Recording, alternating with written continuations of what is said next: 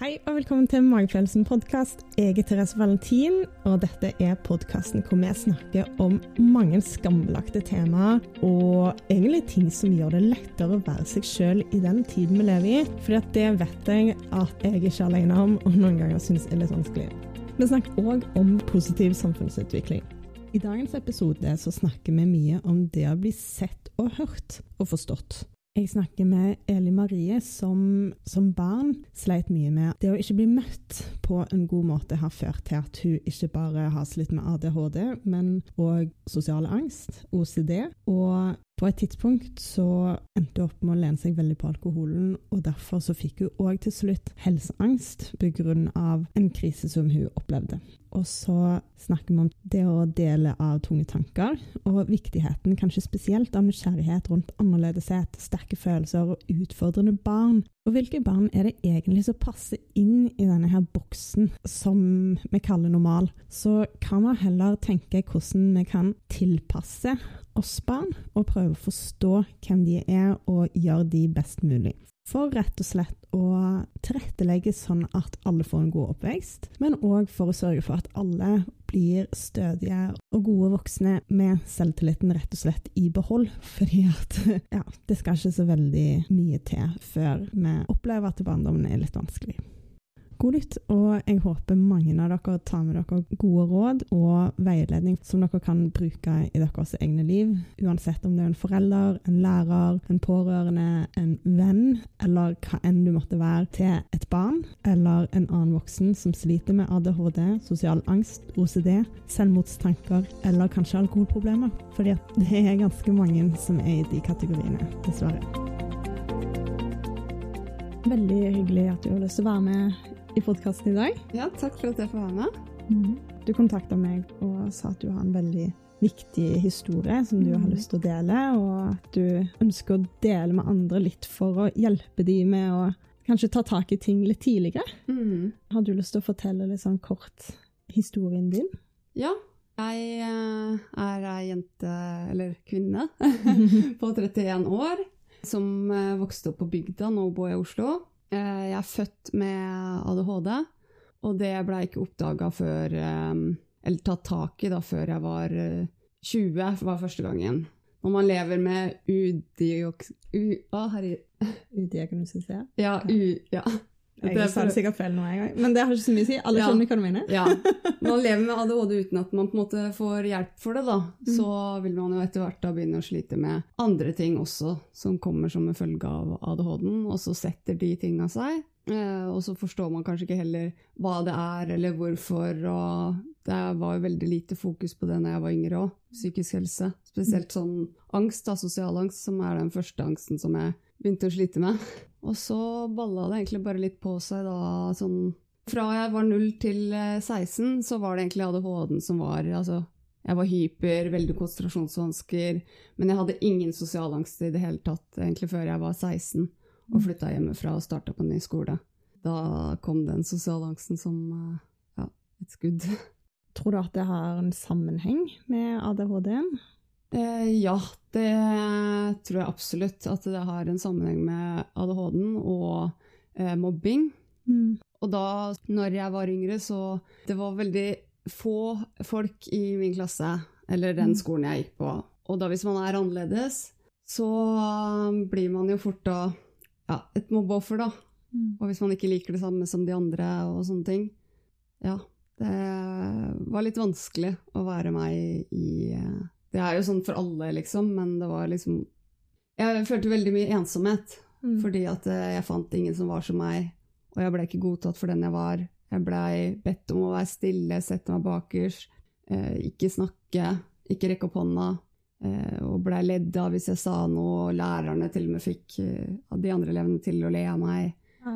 ja eh, sånne ting som gjør at da når jeg flytta bort til en ny skole når jeg var 16 og tenkte at nå kan jeg få en ny start, ingen som veit hvem jeg er, og sånne ting, så satt jo bare de tankene i hodet mitt at jeg skal ikke snakke, det er ingen som vil høre hva jeg har å si, jeg må la andre komme til, og sånne ting. Og da blei jo det sosial angst, da, ganske fort. Mm. Så da isolerer man seg jo sakte, men sikkert, da. Som for min del så endte det jo med, fordi jeg bodde på et internat, og i lunsjen så turte jeg ikke å sette meg ned med de andre i kantina, så jeg gikk bare fort inn, passa på at jeg ikke fikk blikkontakt, og så gikk jeg på rommet mitt og spiste lunsjen. Mm. Og da ble bare den ensomhetsfølelsen enda større og større og større. Og så følte jeg ganske mye skam rundt det, så jeg turte ikke å si det til noen, ikke til mamma eller noen ting, for det var jo liksom Man kan tenke du er 16 år, har vært så bestemt på at du skal flytte hjemmefra, og så må du ringe hjem til moren din og si at jeg får meg ingen venner, jeg klarer ikke å bli kjent med noen. Mm ja, det tok eh, litt tid før jeg klarte å gjøre det, men når jeg da begynte å kjenne på veldig heftig depresjon, så skjønte jeg at eh, jeg må bare si det. Hvordan sa du det da? Eh, da ringte jeg vel Jeg husker ikke akkurat hva jeg sa, men jeg sa vel noe sånt som at jeg orker ikke å være her. Jeg sa vel kanskje ikke så veldig mye detaljer, liksom, eller sånne ting, men jeg bare sa jeg orker ikke. Mm. Jeg orker ikke å leve hvis jeg må være her. Fordi at jeg forsto jo heller ikke Jeg forsto at jeg hadde vondt, men jeg forsto ikke liksom hvorfor heller selv. Mm. Så da blei det liksom veldig mye bytting da, på skoler. Så jeg har gått fem forskjellige videregående skoler. Ja. For jeg tenkte hele tida at jeg må bare ta meg sammen. Jeg må bare snakke med noen. Jeg kan ikke være så sjenert. Eh, jeg må slutte å tro på det tankene mine sier. Sånne ting. Men eh, de er så heftige, liksom, da, de mm. tankene. Mm. Mm. Sånn at det er en ting er tankene, men når det setter seg i kroppen som følelser og angst, da, mm. så er det mye mer vanskelig da å vite hvordan man skal jobbe med det når man ikke engang veit helt hva det er. Mm. Var det noen som så deg i den perioden, eller som, som du klarte å dele dette med? Mm, nei. nei. det var det. Det var, eh, tok lang tid før jeg eh, klarte å åpne meg, mm. egentlig. Jeg mm. gikk jo bare fra Altså, jeg Snakka ikke med noen. Jeg fortalte jo ikke til mamma engang, egentlig. Liksom sånn der, for jeg visste jo ikke helt hva jeg følte. Jeg følte bare jeg hadde det vondt, liksom. Mm. Og så gikk det en del år før jeg da klarte å si at uh, jeg sitter og tenker på å ta livet mitt, liksom. Mm. Men det Ja. Det var uh, veldig vanskelig å skulle klare å dele noe sånt i det hele tatt uh, i starten. For man aner ikke hvordan man skal gjøre det. Mm. Og man bare Eh, jeg i hvert fall endte opp med liksom bare å være destruktiv og sint. Ja. Men jeg klarte å være åpen etter hvert. Mm. Og det som faktisk hjalp meg, var at jeg skrev ned det jeg følte. Mm. Når jeg følte hadde det kjipt, og de tankene jeg hadde, jeg skrev alt sammen ut. Mm. Og så kunne jeg gi det til mamma. Jeg trengte ikke å være i samme rom som henne engang, liksom. Mm. Eh, og så ga jeg det til psykologen min. Ja. Var det litt sånn etter hvert, eller var det i starten? Var det sånn det starta, at du begynte å åpne deg? Ja, det var vel først liksom når jeg begynte å åpne meg litt, var jo kanskje da når jeg begynte hos psykolog første gangen jeg var 20. Men eh, jeg åpna meg jo ikke sånn helt, liksom. Så når jeg begynte å åpne meg for vennene mine og mamma og sånn ordentlig åpne meg, på en måte, var jo først uh, når jeg kanskje var uh, sånn 4-25-26, ja. ja. Rundt der. Hadde ting begynt å bli bedre da? Eller Nei. grunn? Nei. Da hadde bare Det var litt det også som gjorde at jeg skjønte at jeg, ja, jeg må bare prøve å være åpen og si hvordan jeg har det, fordi at uh, ting gikk veldig dårlig, da. Mm eh, på veldig mange måter. Mm. Jeg begynte jo også å drikke. Mm. For det var liksom min flukt. Mm. Det starta med at jeg begynte å liksom flykte fra problemene mine og det som var inni meg, fysisk ved å flytte veldig mye rundt. Mm. Og så begynte jeg å flykte psykisk, som jeg sier, da, med alkoholen. Mm. Og da er jo ikke det så veldig bra, når man da begynner å drikke hver gang man har det kjipt, fordi det blir det jo ofte hvis man da sliter med angst og depresjon, og, og for å klare å være sosial, da, eksempel. Mm. Så var det en veldig enkel løsning da for meg å drikke. Til et visst punkt hvor det, det ikke var så gøy lenger, da. Fordi at man mm. mista veldig mye. Ja. Mm. Var det da daglig, eller uh, hvor ofte? Nei, det var, uh, det var mest når jeg da skulle være sosial. Mm. mm. Så det kommer litt an på hvor ofte jeg skulle være sosial òg. Ja.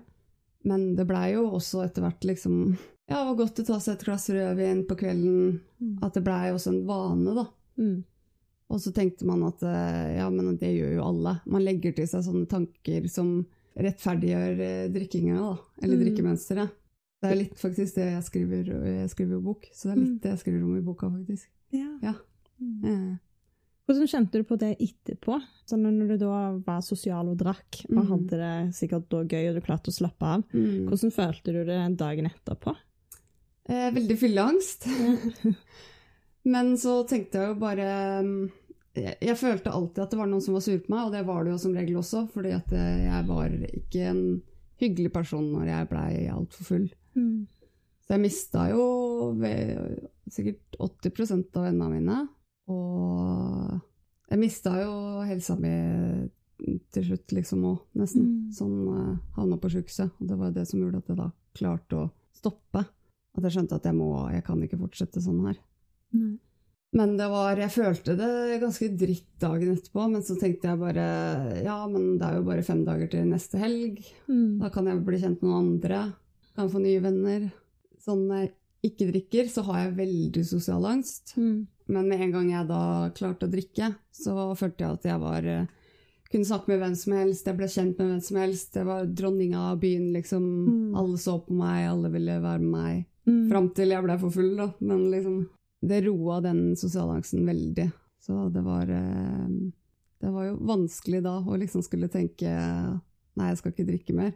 Mm. Så på en måte rusen var deilig, men konsekvensen av drikkingen var at du faktisk mista venner, og at du kanskje ikke likte det som hadde skjedd på Fulla, da. Mm. Men du, du lente deg mest på det som på en måte var det positive, og den pausen du kunne få. Ja, og så følte jeg jo det at jeg fikk en slags eh, identitetskrise, da. Fordi Mm. at jeg var én person når jeg drakk. Eller jeg var jo fortsatt samme personen, men alkoholen fikk fram noen sider i meg som eh, jeg veldig sjelden viser når jeg ikke drikker. Mm. Ja, det blei eh, vanskelig for meg. Jeg skjønte ikke helt hvem jeg var da når jeg liksom hadde vært hva skal jeg si, dronning av byen eh, i helga. Mm. Og så kom mandagen og skolen, jeg tør ikke å snakke med noen. Mm. Så ja, skjønte ikke helt. Er hun stille, rolig, liksom, er jeg sjenert, Mm. eller eh, hva? Eller er jeg hun gærne som vil ha masse oppmerksomhet? Mm. Ja. Nordmenn er jo veldig sånn, jeg vet jo at for deg er det mer ekstremt, men det er jo òg sånn at det er sånn utlendinger beskriver nordmenn, da. Mm. At vi er veldig sosiale på fest, og Mm. dagen etterpå så snakker vi ikke sammen. Mm. Så det kan jo òg ha forsterka den Ja. differansen Ja. hos deg, da. Ja, ja. Mm. det gjorde jo det. Fram til jeg da klarte å ta tak i det med drikkinga. Så gikk jeg jo hele tida og tenkte at eh, jeg kan ikke jobbe med sosialangsten på en annen måte. Det her er den eneste løsninga. Det her er det som hjelper. Det går ikke an å jobbe med det på en annen måte. Mm. Men da når jeg måtte slutte å drikke sånn som jeg drakk, så så jeg jo det at det er jo mulig. Det er litt vanskeligere, og det tar litt lengre tid, men det er det som er varig. Det er det som hjelper sånn, at man faktisk går i seg sjøl i dybden og jobber med seg sjøl enn å rømme fra det med alkohol. Mm. Du har allerede nevnt litt, men er det andre måter eh, din psykiske helse har vært et hinder i livet ditt på? Ja, det, det første jeg tenker på da, er jo sånn spesielt angst, da. Mm. Og jeg har jo både, både OCD, og jeg har eh, sosial angst og helseangst. Og til tider panikkangst, men den er sånn Det kommer litt i perioder, da. Men de andre tre er litt sånn konstant. Og som med tanke på sosialangsten, da, så har jo det hindra meg fra å snakke med folk jeg egentlig har lyst til å bli kjent med. Eller dra til steder jeg har lyst, eller gjøre ting jeg har lyst til fordi jeg er så redd for den frykten for hva andre skal tenke at jeg skal si noe feil, at jeg skal såre noen med det jeg sier. Altså, det blir veldig mange sånne tanker. da. Mm. At jeg er usikker på liksom, hvordan jeg skal forholde meg til de jeg møter. Hvis jeg møter noen i en park da, som er bekjente, så kjenner jeg får helt angst av bare tanken på at jeg ikke vet om jeg skal gå bort og hilse Mm. eller ikke. Og så Mm. føler jeg uansett hvilke valg jeg faller på, så er det feil. Det gir meg ny angst, liksom. Ja. så hvis du ikke går bort, så tenker du 'å nei, hva tenker de?' Og hvis du går bort, så tenker du 'å nei, hva tenker de?' Ja, ja. At sånn, hvis jeg går bort, så begynner jeg å tenke at eh, Nei, de vil jo egentlig ikke at jeg skal komme bort. At de begynner å tenke 'hvem er det hun tror hun er'? Vi er jo ikke venner, hvorfor kommer hun bort hit? Jeg har ikke lyst til å snakke med hun. Å nei, er det hun igjen? Mm. Sånn. Men hvis jeg ikke går bort, så begynner jeg å tenke at, eh, de tror at jeg er sur på dem, at jeg er bitch, liksom, eller Mm. eh, overlegen og sånne ting, da. Mm. Det blir ikke rett uansett eh, hva man gjør. akkurat med sånn tilfelle, så det, angsten vil jo komme uansett, på en måte. Og det godtar jeg, men da bare lar jeg den være, på en måte. Mm. Og så gjør jeg det som faller meg inn.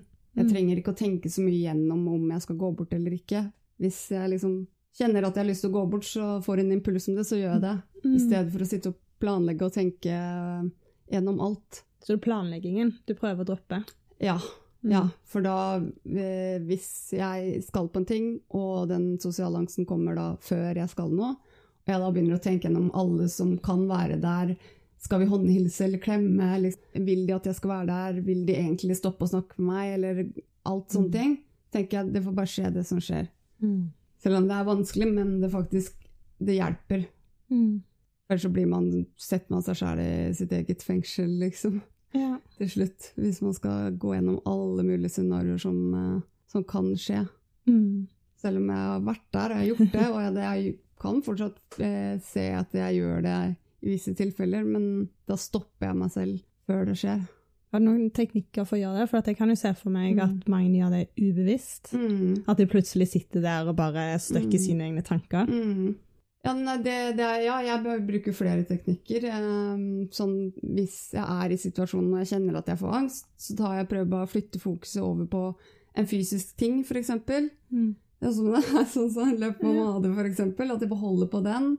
Eller kjenner i hånda, liksom, sånn eh, Hvordan kjennes hendene ut, liksom? Er de myke, er de kalde, varme? Mm. Og også det med pusten har hjulpet meg veldig mye. Og det er jo noe jeg også hørte, hørt mange år, liksom, men det er ikke før jeg begynte å gjøre yoga og meditere sjæl at jeg faktisk skjønte Oi, jeg kan faktisk kontrollere veldig mye med pusten. Mm. Det er ikke sikkert at det tar bort angsten, men det, vil i hvert fall, det hjelper i hvert fall meg til å roe angsten litt der og da, Mm. og alt hjelper. Og så er det, og det for meg som har hjulpet også veldig mye, er å si det. Sier det til den personen jeg er med. Sier det til venninna mi at eh, «Ai, nå sitter de borti der i parken, men jeg er litt usikker på om jeg skal gå bort. Er det bare angsten min, eller tror du at de vil at jeg skal gå bort? Ja. Og bare å si det, liksom. Nå har jeg angst. Mm. Nå er jeg for eksempel med helseangsten, så sier jeg nå kjenner jeg litt vondt i magen, tror du at jeg må på sykehuset nå, tror du jeg er på vei til å dø?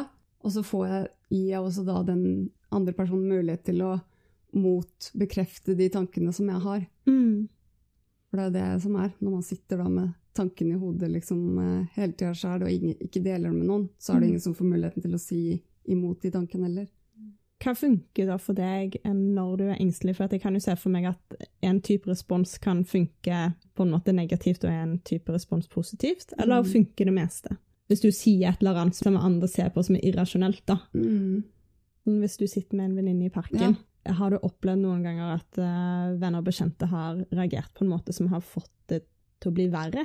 Å ja, sånn, ja. Eller hva er det som funker som gjør at du klarer å roe deg ned? da? Det er jo at jeg på forhånd uh, har At de jeg har rundt meg, de veit Det er jo ikke alle, liksom. Det er ikke sånn at alle bekjent, mine bekjente vet at jeg sliter med helseangst, f.eks. Sånn. Det er jo ikke det første jeg sier når jeg møter folk, kanskje. Men alle de som jeg har som er nærmest rundt meg, som jeg finner på ting med, de veit at jeg har OCD, helseangst, sosial angst. Og da gjør det mye enklere da når vi, hvis vi er i en situasjon, at Mm. jeg eh, sier det. For det, det har ikke vært noe sånn at de har sagt noe da som har gjort at det, det har blitt verre, på en måte. Det er bare blitt beroliga, da. Ja, for jeg har opplevd eh, i perioder jeg har blitt truffet av lynet. Å nei, har du? Skulle jeg ikke sagt det? Det er det jeg er mest redd for i hele verden, er torden og lyn, liksom. Mm, ja, beklager at du kom hit i dag når det tordner og lyner. Det var sikkert ikke en behagelig opplevelse. Det er nok derfor også jeg hadde litt angst før jeg kom, liksom. Eller jeg kom. uh, men det gjør jo at jeg har vært gjennom livet litt redd for det. Ja. Um, og uh, nå begynner det å bli mye bedre. Men Ja. jeg har hatt personer i livet mitt når jeg har vært redd, som da har bare vært litt sånn Å, men herlighet, kjapp deg, liksom. Mm. Og som ikke har vist noe empati. Ja. Og det har for meg gjort det mye verre. Ja. Da har jeg blitt veldig engstelig. ja.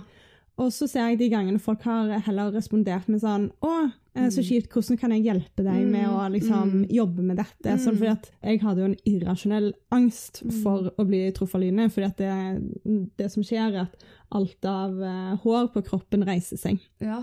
Så den sommeren etter jeg ble truffet, Ja. eh, så var jeg ute og sykla, og så var det sol og fint vær. Og så kom det eh, litt sånn vindpust, Mm. så jeg hoppte av sykkelen i fart ved siden av en vei, hvor det var biler som stoppet og bare Hva var det som skjedde nå? så det vil jeg si er litt sånn irrasjonelle responsmønster en liten tid. Ja, Eh. ja, eller jeg vil ikke si at jeg er irrasjonell. Jeg skjønner veldig Ja. godt uh, den responsen. Ja, uh, men for folk flest så blir det overreaksjon, for Ja. det var jo blå himmel. Mm. Uh, og sannsynligheten for at jeg skulle bli truffet av lynet var Mm. veldig lav. Mm. Sikkert er lik null. Mm. Men, så jeg har da hatt behov for å få hjelp. Ja. Så liksom, det har hjulpet meg så mye når folk har vært sånn Å, det må være kjipt å være så redd. Mm. For dette har jo blitt en begrensning. Ja. Hvordan kan jeg da være her for deg, eller hjelpe Mm. deg for kanskje Mm. eh, utfordre deg sjøl litt Mm. i denne situasjonen? Mm. Det har hjulpet veldig. Mm. Mens de som bare har himla litt med øynene og vært litt sånn åh, kødder du, liksom? Ja. Kan du ikke skjerpe deg? Ja. Da har jeg bare følt meg veldig dum, og så har jeg tenkt nå må jeg skjerpe meg, dette er irrasjonelt. Mm. Og da har det bare blitt verre. Mm. Ja, det, det nå, da skjønte jeg hva spørsmålet ditt Ja. hva du mente med det. Og det har absolutt fått sånne responser fra folk jeg også, at eh, de sier nei, men det er ikke noe å være redd for, skjerp deg, bare, slutt- bare slutt å tenke på det, er det jeg har hørt mest. Da tenker jeg bare, vet du hva, sett deg ned og les litt om angst, hvordan angst funker, tenker jeg til den personen. Det er ikke bare en tanke, angsten sitter i kroppen, liksom. Mm. Så jeg kan godt slutte å tenke, liksom, men det hjelper ikke på angsten. Den sitter i kroppen. Mm.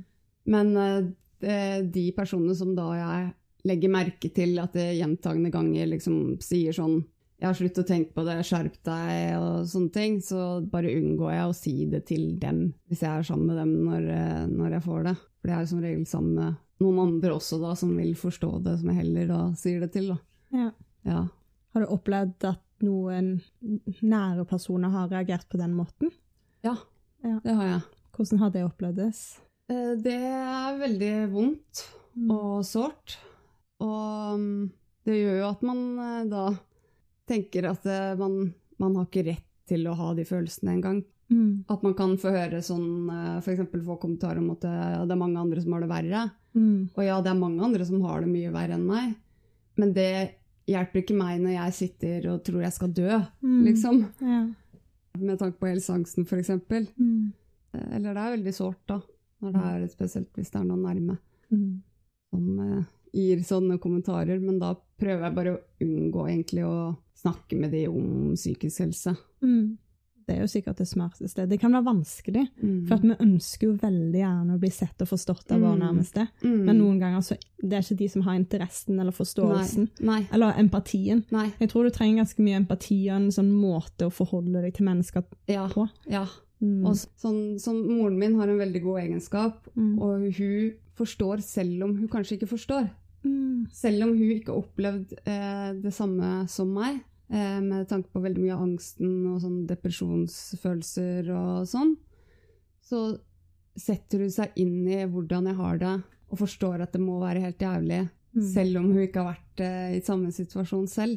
Og det tenker jeg, jeg skal ikke si at, at alle burde ha en sånn egenskap, men jeg tror det hadde vært lettere for folk å være åpen om det de føler som er vanskelig og vondt, Mm. hvis de hadde blitt møtt med i hvert fall litt forståelse, da. Mm. I hvert fall sånn Ok, kanskje du ikke har noe tips eller råd å komme til den, komme til den personen som sitter og sier at den har angst, men si Jeg forstår at du må ha det vondt. Mm. Jeg får se på deg at det her er vondt for deg. Jeg ser at du er redd. Mm. Er, ja, som du sa, er det noe jeg kan gjøre? Mm. Og bare være der. Om Mm. så man da sitter i stillhet, så er det bedre enn at man skal komme med liksom Slutt å tenke på det.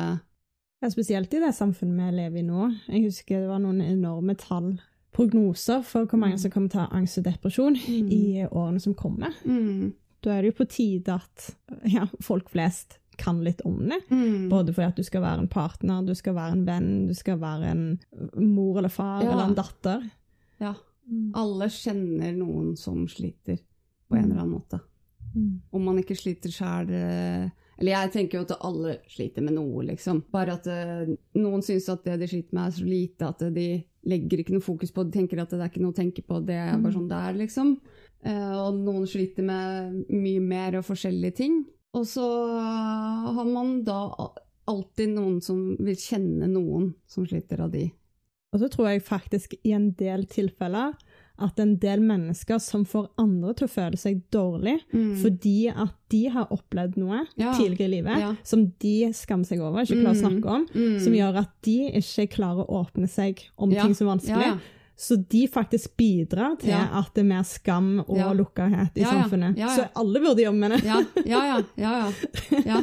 Det er sånn, de vil ikke gå, de vil ikke sitte kanskje og høre på en gang det du snakker om som er vondt, hvis man snakker om traume, for man kanskje har opplevd det selv, og man har ikke lyst til å begynne å tenke på det, eller gå inn på det, fordi man har lagd seg en sånn mur, da, Mm. eksempel. Og så er det noen som bare sier en herlighet, det er jo ingenting i forhold til det jeg har opplevd. Ja. Og jeg bare la det til sides, og jeg har det kjempefint. De må Mm. bare lære seg til å Mm. liksom cope, og så er det sånn, Det er, ja, det, det er så vondt å tenke på at det, faktisk det finnes mange som svarer det, som sier det liksom Ja, ok, om du har klart å legge ting bak deg hvis du har opplevd noe vondt, men det hjelper jo ikke meg, på en måte. Nei. Jeg har fortsatt vondt, jeg har ikke klart å bearbeide det. Det og det er jo kanskje litt vondere da, hvis noen kommer bare sånn Ja, men det er så enkelt, liksom. Det er bare å ikke tenke på det, det er bare å gjøre sånn.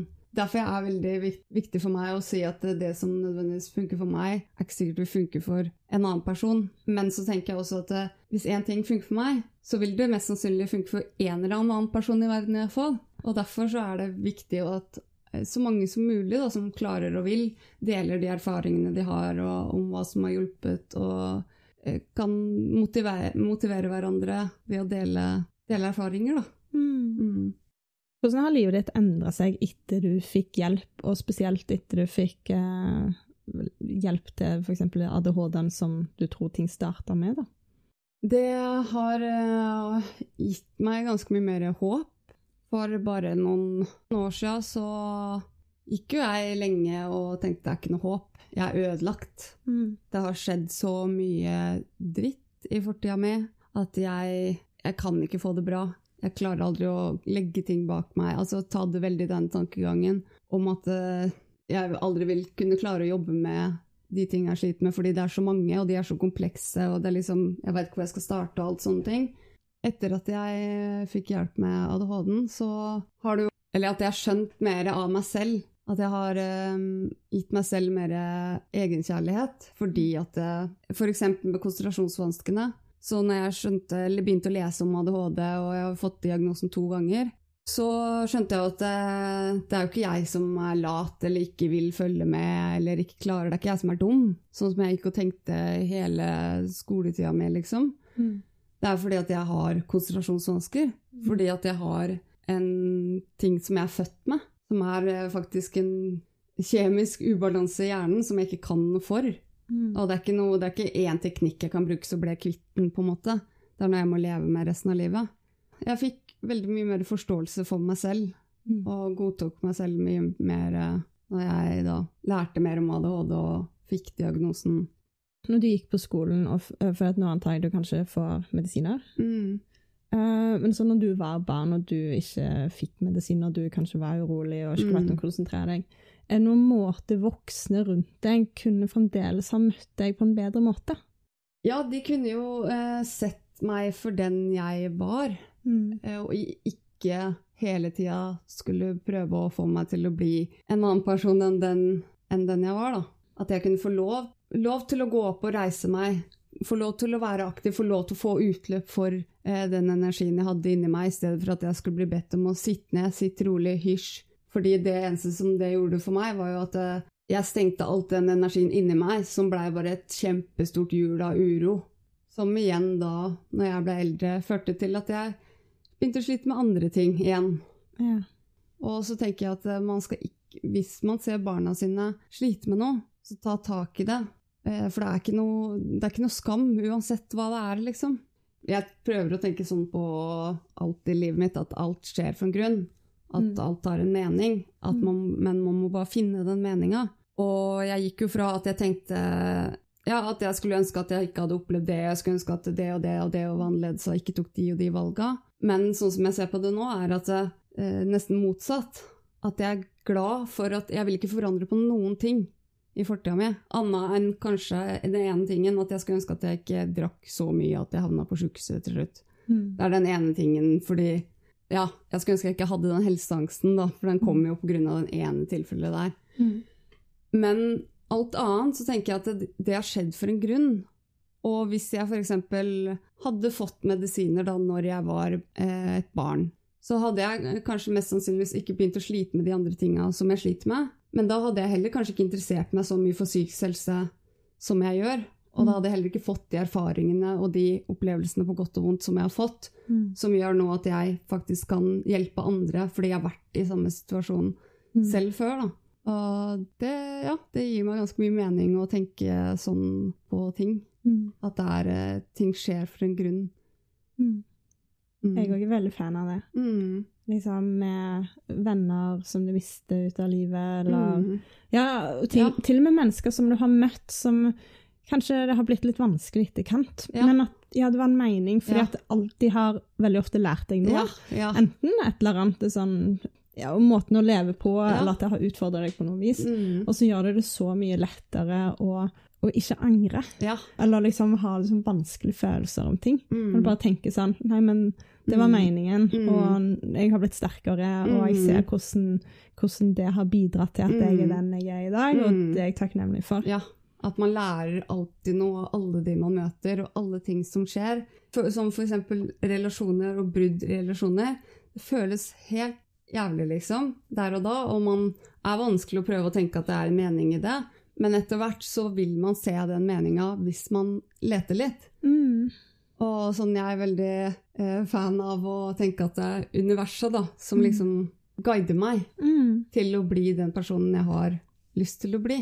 Og da er det ikke alltid lett å vite liksom, er det riktig å avslutte relasjonen, eller er det ikke. Altså alle mm. de tinga der, da. Og Absolutt. at ting skjer for en grunn, og man, alle de man møter, som selv de som behandler deg egentlig bare dårlig, mm. de lærer man også nå. Yeah. F.eks. å sette grenser. da. Og man lærer seg selv bedre å kjenne at ja, som jeg, jeg, tenkte jo at jeg var litt mer sånn og sånn, og så møtte jeg en person som fikk testa meg på de grensene. Mm. Og så fant jeg ut at å ja, men jeg er ikke helt sånn og sånn som jeg trodde. Mm. Fordi jeg syns ikke det var greit, det den personen gjorde. Jeg gjør det noen ganger hvis det er folk som får meg til å føle meg dårlig. Mm. Så, så jeg klarer ikke alltid å ta meg sjøl i det med en gang. Det er det få som klarer, men da gir jeg meg sjøl litt pause, da. Mm. Og så tenker jeg litt sånn OK, men liker jeg meg sjøl i denne situasjonen? Mm. Og så er det sånn Ja, jeg gjør egentlig det. Mm. Det er sånn, OK, men da kanskje jeg bare skal stå i det, mm. og så legge det litt fra meg. Mm. Og nettopp sånn som du sier, bare jobbe litt med egne tanker og sette grenser. og mm kanskje finne ut hvilke mennesker du kanskje ikke trenger å ha ja. så mye av i mm. livet. Mm. Ja, hva skal jeg si? Hele livet er en skole. Ja, også veldig. det er det. Og det er eh, læring i alt, eh, nesten, som man møter på. Mm. På godt og vondt. Mm. Det, det, er det beste tipset jeg faktisk har mot sånne depresjonstanker, egentlig. I stedet for å sitte og angre og tenke at man skulle ønske man gjorde annerledes, sånne ting, så heller se hva lærte jeg av det? Og da ser man, vil man alltid se at man har faktisk lært noe av det. Mm. Og tenke også at det er en grunn til at man har opplevd det man har gjort, fordi at man da enten kan kunne hjelpe andre med det, eller da forme deg til å bli en person som føler seg mer hel, da. Ja, absolutt. Mm. mm. Jeg syns det er interessant med, med, de diagnosene du har, som jeg tror mm. mange ikke kjenner så godt til. Mm. Du har vært litt inne på ADHD, Mm. og så nevnte du indre uro og behov for å bevege seg. Er det mm. sånn at da hvis du beveger deg, så hjelper det på den indre uroen? Det var, når jeg var yngre, så var det jo sånn eh, Da var jeg kjempehyper og liksom klarte ikke å sitte stille i det hele tatt. Mens eh, da etter hvert når jeg blei eldre, så bare gikk jo den uroen liksom på innsida. Mm. Sånn at eh, det hjelper ikke alltid nå på en måte å bare bevege på meg for mm. å få ut den uroen, men eh, hvis jeg er kreativ, det hjelper eh, veldig. Så male, lage ting, skrive, danse. Mm. Eh, jeg satt av dagen i dag, mm. så hørte jeg på musikk, så sto jeg faktisk midt på Voldsløkka klokka var syv om morgenen. Mm. Folk trodde jeg sikkert var sånn eh. gal person, men jeg bare danste, akkurat som vi var på superfest. Å, det hjalp! Ja. Jeg følte meg litt sånn åh, hvordan skal denne her dagen bli? Ja. Og så bare var jeg så godt humør etterpå. Mm. Fikk litt sånn denne, hva tenker folk nå, men det driter jeg i. Jeg ja, har det veldig deilig. Så du fikk ikke angst eller sånn Jeg jobber veldig med når jeg trener og gjør ting i det offentlige, Ja. så blir jeg veldig sånn selvbevisst. Men det er noe jeg jobber aktivt med, fordi at eh, hvis andre gjør ting, så syns jeg egentlig bare det er kult. Mm. Hvis noen andre hadde gått og danset, så hadde jeg bare Mm. smilt og tenkt det så Mm, gøy ut. Ja, ja, ja. Det er akkurat det du Mm. sier der, er det jeg må si til meg selv når jeg er, hvis jeg er i sosiale settinger, eller gjør noe som jeg tenker at å nei, det her eh, tenker folk at det, jeg ser så rar ut, jeg er gæren, eller nå kommer noen og plukker meg opp fordi at jeg må på gale, eller sånn. Ja, hvis jeg liksom gjør, eh, får utløp for de impulsene som jeg har da, Mm. men de tankene kommer, så tenker jeg bare, men ville jeg tenkt det her? Mm. Ville Mm. jeg tenkt det hvis jeg hadde sett en person eh, som hadde stått og dansa i parken, eller stått ute og dansa? Mm. Nei, jeg hadde jo bare blitt kjempeglad, for jeg tenker det hadde motivert meg til at å ja, men da kan jeg tørre å gjøre det også. Mm.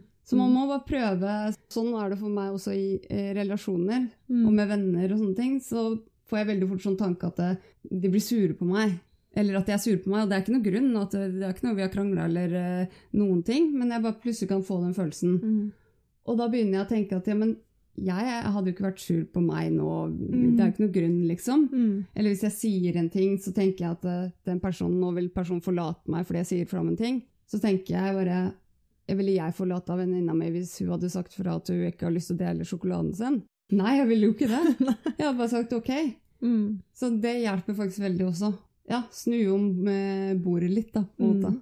Mm. Jeg vet ikke helt om det er kreativt, men eh, jeg sto òg i dusjen etterpå og Mm. bare kjefta litt. Ja. Det er en person jeg er litt irritert på Ja. nå. Jeg sa alle de tingene som jeg aldri kan si, Ja. og som på en måte er òg litt sånn overdrivelser. Men jeg sånn, jeg bare sa det på en sånn skikkelig sint måte. Eh, Da fikk jeg ut så mye av den negative Mm. energien. mm. Og sinte Ja. Ja, og Ja. det tror jeg jeg skal gjøre oftere. Ja, ja, eller skrive det. Ja. Det hjelper veldig for meg. Mm. Å skrive, jeg skriver brev til ganske mange som ikke har sendt, da, selvfølgelig. Mm. Så jeg syns det er vanskelig å være sint på noe, eller sånn få ut sinne, egentlig. Mm. Men det er jo egentlig bare en følelse. Og jeg elsker å skrive om følelser, så da er det mye lettere å skrive det. på en måte. Så bra. Men det er bra du står i dusjen og gjør det. Det skal jeg prøve også, faktisk. Jeg har ikke gjort det før. Men det var litt sånn Å, dette må jeg gjøre oftere. Ja. For det er sånn Jeg tror jeg, jeg har vært ganske sint, Mm. og nå jobber jeg veldig mye med å være sint. Mm. Men da tror jeg jeg holder det litt for mye inne. Ja. Så jeg tror jeg, jeg er nødt til å bruke bedre metoder. Ja. Og jeg tror det å si ting høyt Mm. For jeg tenkte i dag morges jeg burde få meg en sånn eh, bukse... Ja, det har jeg tenkt flere ganger òg. Ja. Eh, men, men det hjalp godt òg Ja. å bare liksom si litt sånn «Åh!» Ja. ja.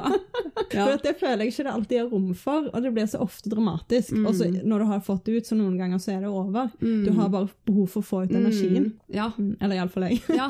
Jeg eh, kjenner jo meg igjen i det at eh, jeg også veldig mye før var eh, sint, men så lærte jeg jo, fikk jeg beskjed om at sinne skal ikke vise. Ikke vær Mm. sint, ro deg ned. Og det fikk konsekvenser for meg når jeg blei sint. Så da stenger man jo det inni seg. Da blir enda mer indre uro. Ja, ja, ja. Og det det er- bobler jo. Ja, og Ja. det sitter jo sånn jeg merka til slutt, da, at eh, jeg turte ikke å si ifra om noen ting. Og Mm. hvis noen behandla meg dårlig, så gikk det veldig fort. Det var nesten så jeg rakk ikke å føle på sinne. Jeg ble, ble lei meg med en gang. Jeg ble deprimert. Og da ender det bare med at man sitter med selvhat, da, til slutt. Når, Ja, og det er jo skummelt, for Ja. det, det er jo mye bedre å føle seg sint enn lei seg for ting Ja. som egentlig er urettferdig. mm, Og hvis du tenker sånn, du er sint for at da er det sånn, nå ble jeg behandla urettferdig. Mm. Mens du går inn i trist, mm, så ta det mer inn og lar folk ja. behandle deg dårlig, og at deres ord blir en sannhet. Ja, ja, og at jeg tenker veldig fort at eh, jeg må ha gjort noe galt siden at de behandler meg dårlig. Uh, Og jeg prøver å finne alle mulige grunner, selv fordi jeg har veldig lite lyst til å tenke tanken at det, finnes slemme mennesker som gjør slemme Mm. ting bare for å være slem. Ja. Og det sliter jeg òg med. Ja, og jeg hele tida prøver da liksom til med unnskyldende for folk som har behandla meg dårlig, så sier jeg ja, men den personen sliter jo sjæl. Mm. Hun eller han har jo har det vondt inni seg sjæl. Han, han eller hun hadde jo ikke gjort det hvis Mm. Og det er jo ofte sannheten, at folk er Mm. mobber og slemme pga. indre usikkerhet. Ja. Men fremdeles så er det noe med å ikke ta det imot, Mm. og akseptere at Mm. det blir en sannhet. da. Mm. Så det er en uh, jobb, det å klare å få ut sinnet hvis man da har uh, stengt det inne veldig mange år, da. Mm. At, ja, det er sånn men jeg tenker at jeg er nesten redd for å føle på det, fordi jeg er redd for at det skal klikke for meg, liksom. men da er det bedre å ha en boksesekk i hvert fall, da. Skrike litt i dusjen. ja. ja. ja. jeg bor jo i blokk, da, så Spørs om de naboene syns det. Men jeg tenker sånn, det må jo finnes et eller annet sted som har sånn ly, helt lydtett rom, så jeg mm. bare kan stå og skrike, for det har jeg veldig lyst til. Det ønsker jeg meg i bursdagsgave. Mm. At jeg bare kan få stå og skrike alt jeg har. Ja. For når er det man får gjort det, liksom? Mm. Fins ingen steder man er nesten hvor du kan gjøre det uten at noen tror at noen blir drept, eller ja, ja. Det er veldig sjukt, faktisk. Burde alle skoler og alle arbeidsplasser burde ha et sånt rom. Et skrikerom? Ja, ja faktisk. Ja. Når noen blir sinte, så er det sånn Du, du skal ikke ta deg en tur på skrikerommet, da. Mm. Ja, ja. Det er helt genialt. Ja, Og lærere. Ja, ja, ja, ja lærere. Alle sammen. Ja. Og det tror jeg alle har hatt så godt av. Ja. Mm. Jeg vil inn dit da og skrike litt. Hva med de andre, da? OCD det er noe jeg kan egentlig veldig lite om, mm. og som det snakkes lite om, jeg føler, i samfunnet. Ja, det snakkes veldig lite om, og det syns jeg er veldig synd. Fordi det er eh, Ja, jeg tror det i hvert fall, eller det, det har jeg også oppdaga, at det er flere som har det uten at de veit at det er det de har. Mm. Eh, og de går og tenker som jeg også tenkte før, at eh, jeg er gal. Man skjønner ikke liksom hva de tankene er. Men eh, etter hvert som jeg da lærte om OCD og fikk vite at eh, det er noe som heter OCD, det er bare et par år siden at jeg mm. fikk høre om at det er noe som heter det, så falt jo veldig mange brikker på plass for meg. Jeg har OCD egentlig på nesten alt jeg gjør, da. Mm. Det er sånn jeg må flytte på glass, vaske meg ordentlig på henda, jeg må holde på eh, dørlåsen til jeg bare kjenner en sånn kraft at nå kan jeg slippe, nå er det trygt, nå er den låst. Jeg kan, jeg kan ikke bare kjenne én gang. Altså Det er bare sånn veldig rare ting, og jeg må sjekke at lyset er skrudd av ti ganger. Jeg kan få det for meg at jeg må gjenta ord etter jeg har sagt noe. Eller skrive Hvis jeg har glemt å skrive smilefjes i en melding, så sender jeg den. Eller konkret eksempel, eh, jeg hadde besøk av en kompis, han hadde lagd middag. Eh, vi satt og spiste, jeg var mett. Jeg skulle ikke ha noe mer, og jeg spilte ikke noen rolle for meg om det var noe mer igjen eller ikke. Og så kjente jeg den trangen til at jeg må spørre om det er noe mer igjen. Det er ikke noen grunn til det, bare at jeg kjente jeg måtte spørre om det. Og så sa jeg til meg selv, fordi da etter hvert som jeg ble bevisst på at de tankene her er tvangstanker, så sa jeg til meg selv nei, jeg skal ikke spørre om det her nå, fordi det er den måten for å bli kvitt tvangstanker, er på en måte å gjøre det motsatte av det de sier. Ikke gjøre det de sier, da. Så satt jeg der, og så gikk det ti minutter og ti minutter til, og til slutt hadde det gått en halvtime hvor jeg fortsatt, og da kjente jeg det bare bygga opp. Det var nesten panikkanfall, liksom, hvor jeg måtte begynne å puste, og da kjente jeg bare Jeg må bare spørre om det, for jeg klarer ikke å, få, klarer, da, klarer ikke å slappe av. Jeg må bare spørre om det, for nå er det så jævlig. Spurte om det spørsmålet, og så roa hele angsten seg. Det er vanskelig å skjønne seg på, egentlig, hvis man ikke opplevde det sjøl, kanskje at det der sitter så heftig. Og så er det også noe som heter magiske tanker, da, som jeg får i OCD-en. Og da kan det være at jeg eh, kaster sokken min på soveromsgulvet, og så er jeg på vei ut av soverommet. Og så kjenner jeg bare sånn tiltrekning til sokken igjen, og så får jeg en tanke om at eh, nei, jeg må gå og dytte på den sokken bare to centimeter bort. Og så sier jeg til meg selv nei, jeg gjør ikke det. Nei, det vil ikke gjøre. Det her er en mm. tvangstanke. Og så sier tvangstanken til meg hvis ikke du gjør det, så kommer mora di til å krasje når hun er på vei hjem i dag. Ja. ja at det setter sammen liksom to ting som ikke har noe med hverandre å gjøre i det hele tatt. Ja. Og da, hvis man har sånne tanker, og man ikke vet at det, det er noe som heter OCD, eller at, at, du er ikke gal, liksom, mm. det er bare noe du sliter med, så er det ganske skummelt å skulle tørre å si det til en venn. Liksom. Jeg kan også ha de tvangstankene hvis jeg står på kjøkkenet sammen med noen, så er jeg eh, redd for å holde en kniv rundt noen. Fordi jeg er redd for at eh, jeg skal miste det liksom i ett sekund og stikke noen. da. Selv om jeg har aldri gjort det, og det er det siste jeg ville gjort. Det tok lenge før jeg turte å si den der. Det, det er veldig mange sånn skambelagte tvangstanker. da. Mm. Så, som også gjør bare vondt verre da når man ikke tør å si det til noen. Eller at jeg står på balkongen bare til og med hjemme hos meg sjæl. Så kan jeg bare kjenne at eh, nå må jeg gå inn, ellers så kommer jeg til å hoppe ut. Ikke fordi jeg har lyst til å ta livet mitt, mm. eller at jeg har tenkt å hoppe ut, mm. men at man er redd hvis man går over en bro, da. At man er redd at man plutselig da bare skal miste kontrollen over kroppen sin eller hodet sitt i ett sekund, og så Mm. Det er jo noe som alle mennesker har liten grad av. mm. Det er jo en grunn til at mange er redd for høyder. Ja. Det, Ja. det er noe som Ja, det er ikke snakket mye om. Jeg kan på en måte forstå at det kan være vanskelig å si høyt, fordi at det er så irrasjonelt. ja. Men da er det jo så viktig òg å få åpenhet om det, sånn Ja. at du kan si det til kompisen din. Mm, Jeg sa det jo til eh, kompis, sånn der, det med knivene, da.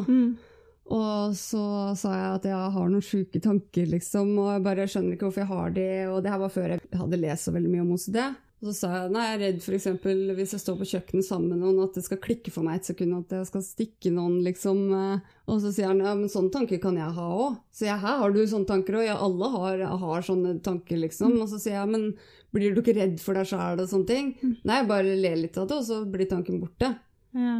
Sånn, sånn var det med en annen kompis, så sa jeg det med at eh, når jeg går over en bru, så er jeg redd for at jeg plutselig skal hoppe. At jeg, ja, det skal klikke for meg et sekund. Og så sier han at ja, men sånn tanke kan jeg også få. Og så sier jeg «Øh, får du det? Blir du ikke redd for at du skal gjøre det når du får sånn tanke og begynner å tenke på hvorfor tenker jeg på det her nå, og har jeg tenkt å gjøre det, og sånne ting. Og så sier han at nei, jeg bare ler litt av det. Bare tenker lættis, liksom. Det var en sjuk tanke. Ja. Og så tenker jeg på noe annet. Så det er det som liksom skiller Alle har tvangstanker, men om da man har OCD, så er det liksom Det er én ting hvor mye tid av hverdagen det tar. Ja, du kan ha samme sjuke tanken om en ting, men siden jeg får den tanken, så begynner jeg å gå inn i tanken og begynner å tenke at det er en grunn til at jeg har den tanken, og tenker at jeg må gjøre masse greier for å unngå at den tanken skal skje. Mm. Mens du bare tenker det, og så begynner du å tenke på noe annet. Liksom, man henger seg veldig opp i tankene, da, på en Mm. måte. Ja. Som eh, er vanlig gjør det slitsomt og vanskelig å vite hvordan man kan klare å leve uten at man skal bruke for mye tid på de tankene. Mm. Er det noen måter å, å jobbe med det på? Ja, det det som er fint eh, Hva skal jeg si fint med OCD, er jo at det er det, en av de psykiske lidelsene som har høyest prosentandel som kan bli frisk fra det. Som kan, du kan bli helt kvitt den, liksom. Ja. Det, ja, det er jo eh, flere måter, men den måten som er mest brukt, eller som jeg har brukt mest, som faktisk har hjulpet meg, er at hvis jeg får en tanke om en ting, når jeg går forbi en ting og så tenker jeg jeg må bare dytte litt på den tingen, så gjør jeg ikke det. Mm. Uansett, da kan jeg få kjempeuro. Vi har f.eks. en sånn kloss da, som er nede ved inngangsdøra i det bygget jeg bor i, som er sånn trekloss som vi setter eh, foran døra hvis vi skal la den stoppe. Når jeg gikk forbi den før, så var det sånn der at jeg bare kjente jeg måtte ta på den. Jeg måtte bare dytte den som sto rett inntil veggen, liksom. Eller dørmattene til naboen, at jeg måtte bare dytte så alle ligger rett, liksom. Men når jeg skjønte at det var OCD, og lærte at det, når du får sånne tanker, så skal du ikke gjøre det. Mm. Du skal ikke gjøre det den tvangstanken sier. Og samme om du da begynner å tenke nå kommer man til å krasje hvis jeg ikke gjør det og sånne ting. Altså, det skjer ikke. Det har ikke noe sammenheng. Og det klarer klarer jeg også å, å se, men det er bare den derre angsten sitter i. Men man må være veldig konsekvent. Det er jo det som jeg syns er vanskelig, spesielt med tanke på de to, to tinga som jeg er veldig redd for skal skje hjemme hos meg. Enten det begynner å brenne, eller at eh, jeg har glemt å låse døra så noen bryter seg inn når jeg sover. Det er de to tinga. De kom på kvelden, og da jeg går og sjekker igjen og igjen og igjen. Men da har jeg lov til å sjekke én gang. Mm. Og så sier jeg, for å normalisere, eller for ufarliggjøre den tanken, eksempel, før så sa jeg det brenner ikke, det kommer ikke til å brenne, nå har jeg sjekka det. Så nå, det høres veldig rart ut for en person som kanskje er utenforstående da, men da går jeg mens jeg går og sjekker, så ser jeg det brenner, det brenner, det brenner, det brenner, det brenner. For da ufarliggjør jeg den tanken om at det, det kan begynne å brenne. Ja. Og det har faktisk hjulpet. Wow, spennende. Ja. Ikke helt intuitivt. Mm. De sier jo alltid at det å snakke om ting som du er redd for, eller som du skammer deg over, det gjør at ting slipper. ja. Så det er jo det å Da setter du virkelig liksom ord på den store frykten din, da. Bli venner med den. Det er jo da, når man da eh, snakker om ting, så ser man også det at eh, den responsen man får, er ikke så farlig som det man trodde i hodet. Det er ikke sånn, sånn Til og med jeg kan få sånne tanker eh, fortsatt, liksom, om med tanke på sosialangsten. Jeg kan synes det er ubehagelig hvis jeg er på en date da, og si det til den personen, fordi da begynner jeg å tenke å, nå tenker han at jeg tør ikke å gå ut av døra. Jeg har ikke lyst til å være med på noe fordi jeg har så angst, jeg kan aldri avtale ting fordi jeg har sosial... Altså, jeg, jeg ser, de tankene kommer til meg òg. Men da tenker jeg bare at eh, hvis det er sånn da, at den personen begynner å tenke sånn, så vil uansett den personen ikke takle å være sammen med meg. Mm. da veit ikke den personen noen ting om sosial angst. Og hvis den personen er så fordomsfull, da, så vil ikke det være en person som vil passe for meg. Så da får man på en måte også avgjort det tidlig, da, før man inngår en relasjon mm. og ser at man er veldig forskjellig med tanke på forståelse og empati. Da. Absolutt. Mm. Ja, det er så sant det du sier det. Ja. Mm. Er det noe du har lyst til å tilføye før vi går til det siste spørsmålet? Ja, det som jeg syns er veldig viktig å si sånn med tanke på åpenhet, mm. som er eh, Jeg skulle ønske at jeg hørte det veldig mye mer når jeg sleit eh, veldig sjæl, og spesielt av tanke på depresjon. Og når jeg satt med selvmordstanker i starten, så fortalte jo ikke jeg det til noen, egentlig, hvor eh, heftig de selvmordstankene var. Og det gikk jo så langt at da ja, prøvde jeg å ta livet mitt. Og det var jo ingen som visste at jeg var så langt nede som det jeg faktisk var, og hvor mye jeg faktisk satt og tenkte på det. Og jeg tenkte jo veldig mye på det at det er ingen som bryr seg, folk vil være glad hvis jeg blir borte, de slipper en belastning. Ja, folk vil få det bedre uten meg, og det er ikke noe håp, jeg kommer aldri til å få det bra. Jeg satt med veldig mange sånne tanker. Og når jeg da ikke sa de til noen, så var det jo heller ingen som fikk muligheten til å kunne motsi de mm. tankene jeg satt med. Og det er kjempefarlig å sitte med sånne tanker i hodet uten å dele det med noen. Fordi mest sannsynlig så er det ikke sanne. Det er depresjonen som snakker til deg, og depresjonen er en tilstand man er i. Den lurer hjernen din, liksom, mm. til å tro på noe som ikke er sant. Og hvis man da ikke forteller det til noen, så blir de tankene den eneste virkeligheten man har kan ikke få sagt det nok hvor viktig det er å dele det med en eller annen. Du trenger ikke å dele det med alle, med mange, liksom, men del det med én person, som da får muligheten til å kunne hjelpe deg med å få mm. hjelp. Fordi det er veldig vanskelig ofte når man er så langt nede og klarer å skaffe seg hjelp selv, i tillegg til at den personen da kan motsi de eh, tankene som man har, da. Mm. Sånn at man eh, ikke ender opp med å gjøre ting som, eh, som man kunne unngått å gjort, da. Mm. mm.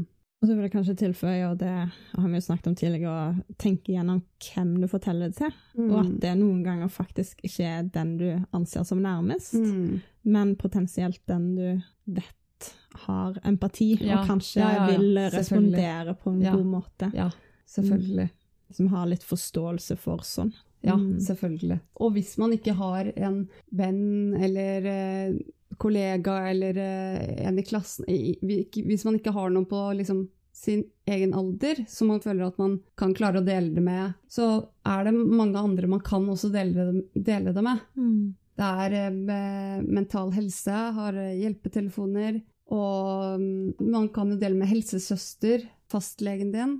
Det er veldig mange som, og fastlegen har faktisk plikt til å ta det på alvor. Sånn at uh, du trenger ikke være redd for at hvis du sier det til fastlegen din, så vil bare fastlegen din si samme det, liksom.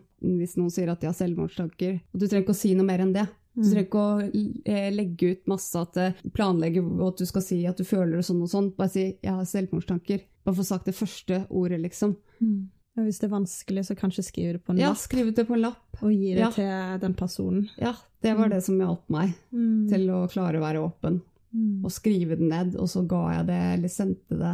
Og du trenger ikke å være i rommet engang når mm. personen leser det. Ja, kjempeviktig. Mm. Takk for det. Ja, selv takk. Det siste spørsmålet er jo valgt av en grunn, og det er fordi at jeg snakker om litt sånn tunge temaer, så det er noen ja. ganger litt sånn uh, rar overgang. Men uh, det er òg litt viktig å smile og le òg. Ja. Begge deler. så hva er det pinligste du noensinne har opplevd? Ja, herregud. Det var vel eh, kanskje det, Eller jeg tror litt sånn pinlige ting er nesten sånn litt sånn man fortrenger. Men eh, det var den her tingen som jeg kom på, da. Mm. Og det var eh, for eh, lenge sida, når jeg hadde en kjæreste som nå er min eks, da. Vi var unge, og så var vi nyforelska, og så var vi på besøk hos uh, moren og faren min. Mm. Og så var vi på rommet mitt og kosa litt og mm. sånne ting. Og så mm, kom jo mamma da inn på rommet uten å banke, fordi hun er ikke så veldig flink til å banke.